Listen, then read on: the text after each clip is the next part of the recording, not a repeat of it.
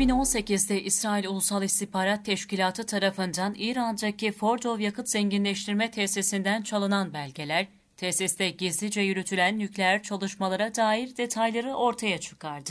İran, Viyana'da devam eden nükleer görüşmelere rağmen nükleer silah elde etme çabasından vazgeçmiyor. The Intel Lab 2018 yılında İsrail Ulusal İstihbarat Teşkilatı'nın İran'daki Fordow yakıt zenginleştirme tesisinden çaldığı belgelerden ve açık kaynaklardan faydalanarak tesisin 3D rekonstrüksiyon modelini çıkardı. Buna göre İran, Fordow tesisinde Uluslararası Atom Enerjisi Kurumu'ndan gizli bir şekilde kendi nükleer programını yürütüyor. Rapora ve 3D modele göre tesisin içindeki Algadir santralinde yürütülen gizli nükleer çalışmalar, İran'ın nükleer silah elde etme çabalarının önemli bir parçası konumunda. İranlı bilim insanı Muhsin Fahrizade'ye düzenlenen suikastin ardından İran Meclisi çıkarttığı yasayla İran Atom Enerjisi Kurumu'nun uranyumu %20 zenginleştirmeye başlamasını ve düşük düzeyli zenginleştirilmiş uranyum stoklarını artırmasına zorunlu kılmıştı. Bu kapsamda ilk olarak Fordow nükleer tesisinde uranyum %20 oranında zenginleştirilmeye başlanmıştı.